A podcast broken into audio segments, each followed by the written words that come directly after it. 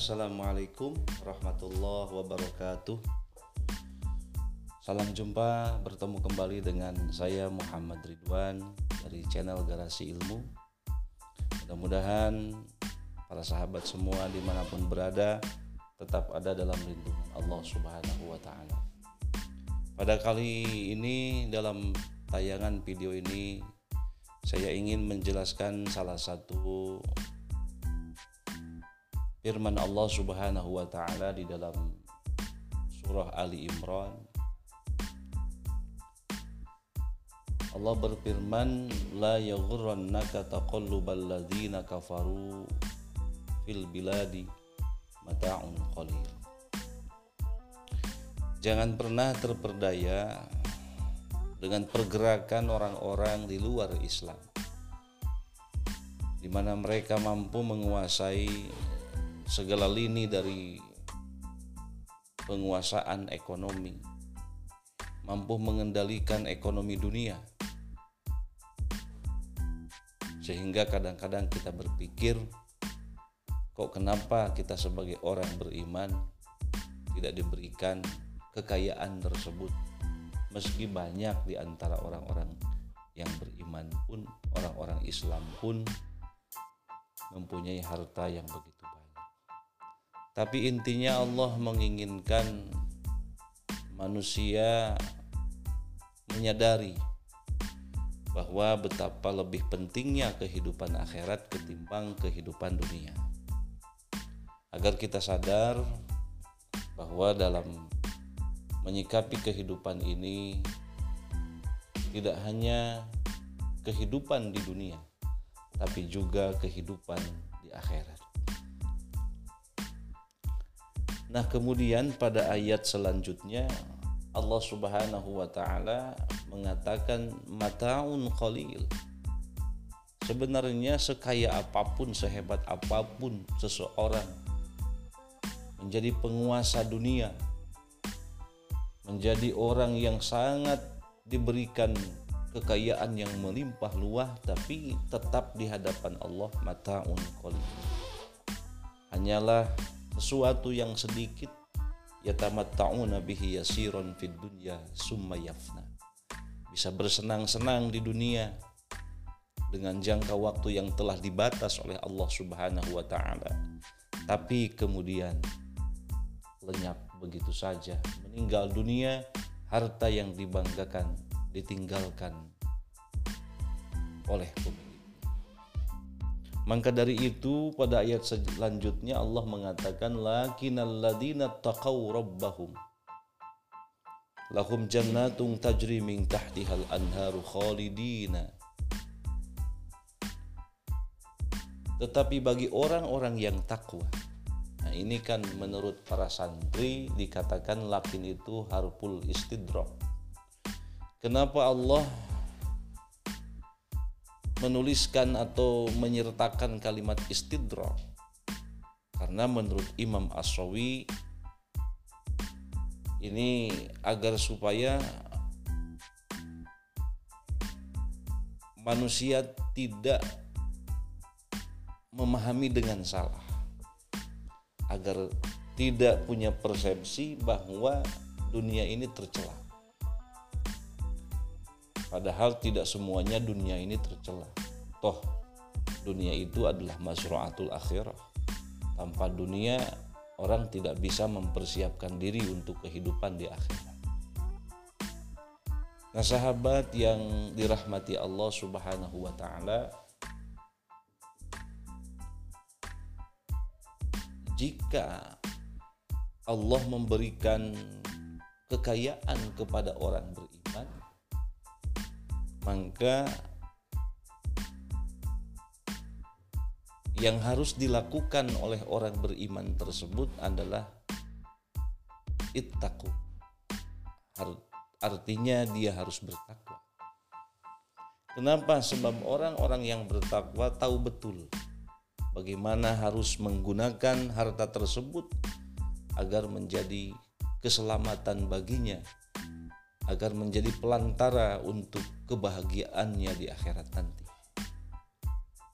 Sehingga Syekh Alawi Al-Haddad mengatakan bahwa dunia ada tiga tingkatan dunia untuk dihisab dunia untuk pahala dan dunia untuk siksaan dunia untuk pahala adalah dunia yang dengan kekayaannya seseorang mampu melakukan berbagai nilai-nilai kebaikan. Lalu apa yang disebut dengan harta yang menjadi siksaan, yang menjadi hisaban, yaitu harta tidak menyebabkan dia melakukan pelanggaran tetapi juga tidak menyebabkan dia melakukan segala perintah Allah.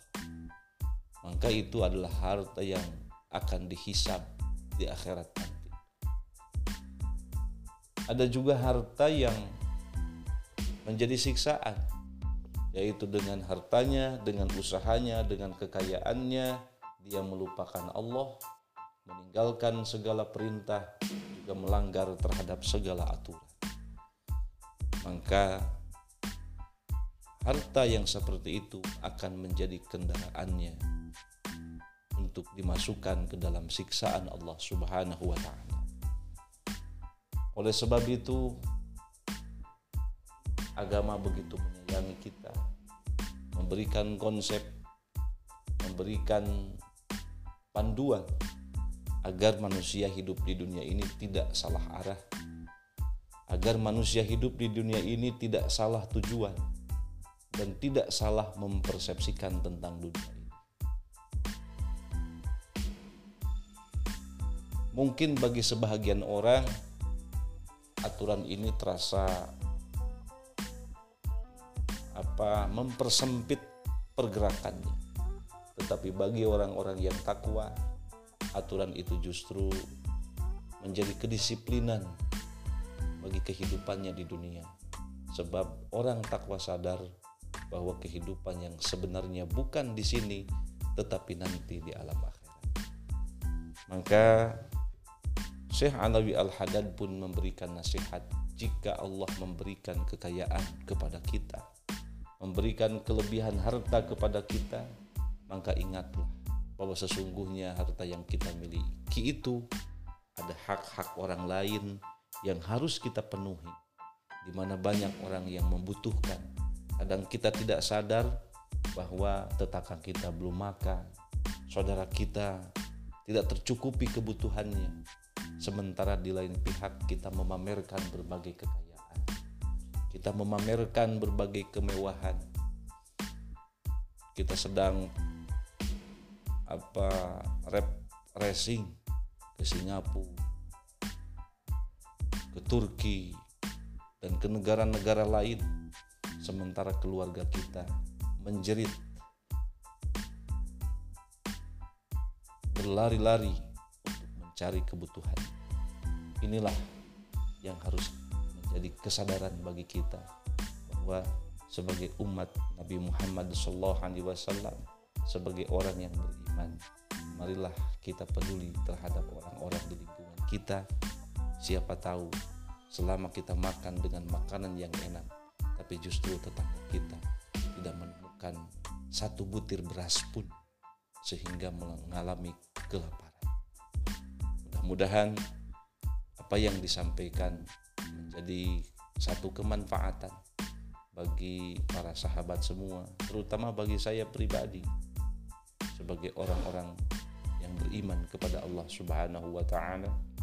Marilah kita jadikan harta rezeki yang Allah berikan sebagai matiyatun kendaraan sebagai mazro'atun tempat ladang untuk bercocok tanam agar kita nanti di akhirat mampu menuai apa yang kita tanam sewaktu di dunia.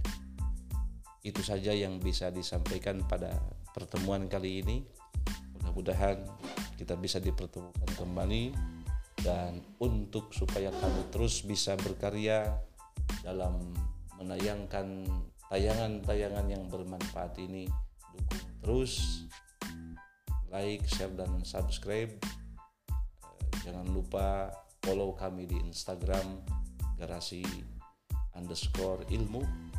Mudah-mudahan apa yang dilakukan oleh para sahabat mendukung kami menjadi pahala di sisi Allah subhanahu wa ta'ala. Wassalamualaikum warahmatullahi wabarakatuh